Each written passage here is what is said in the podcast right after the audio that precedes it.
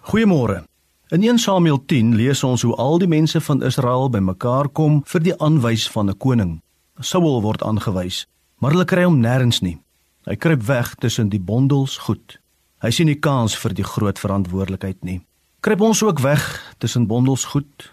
Dalk dra ek sommer die bondels goed saam met my deur die lewe. Swaar bagasie waar agter ek enige tyd kan wegkruip. Soms kruip ons weg vir God. Dikwels kruip ek weg vir myself, die ware ek kruip jy ook weg. As gevolg van al die letsels weens jou seer, wys jy miskien vir die wêreld iets anders as wat jy regtig voel. Kom ons kyk na 'n paar mense wat moontlik agter ongesonde gedrag wegkruip. Dalk herken jy hom of haar, dalk selfs in die spieël. Daar is die knorpot.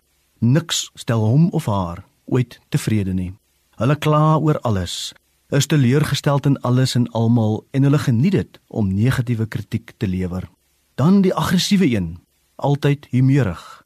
'n Konstante drukkoker wat dreig om te ontplof. Die boelie. Hulle maak dikwels seer omdat hulle seer het. Dis natuurlik ook 'n uiting van aggressie, al is dit soms meer subtiel in die vorm van afknou en kwets en ondergrawe. Die kindertong wat plesier daaruit put om lelike goed van ander mense te sê. Dis nog 'n vorm van aggressie, passiewe aggressie. Wat steek hulle weg? Die beterweter wat altyd reg is en wat in 'n geval nooit sal erken as hulle verkeerd is nie. Vergeet maar om ooit 'n verskoning uit hulle te kry. En wat van die een wat jou altyd een voor wil wees? Hulle het altyd beter as jy. As hulle nie die nuwer model as jy het nie, dan is die nuwe een op bestelling. As jy vertel van die keer toe jy berg geklim het in die Magalies, dan het hulle berg Kilimanjaro uitgeklim. Tweemaal met 'n verstuite enkel.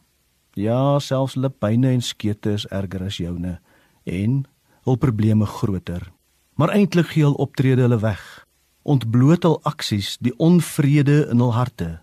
Onvrede wat sal bly solank as wat die binneletsels bly skaaf en die gewig van die bagasie bly druk.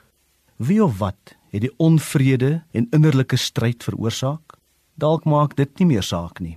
Ongeag wie of wat, daar is hoop. Daar is balsem vir die wonde. In Matteus 11 lees ons Jesus se woorde: Kom na my toe, almal wat uitgeput en oorlaai is, en ek sal julle rus gee. Raak ontslaaf van alles waaraan jy swaar dra of waar agter jy wegkruip en lewe eerlik.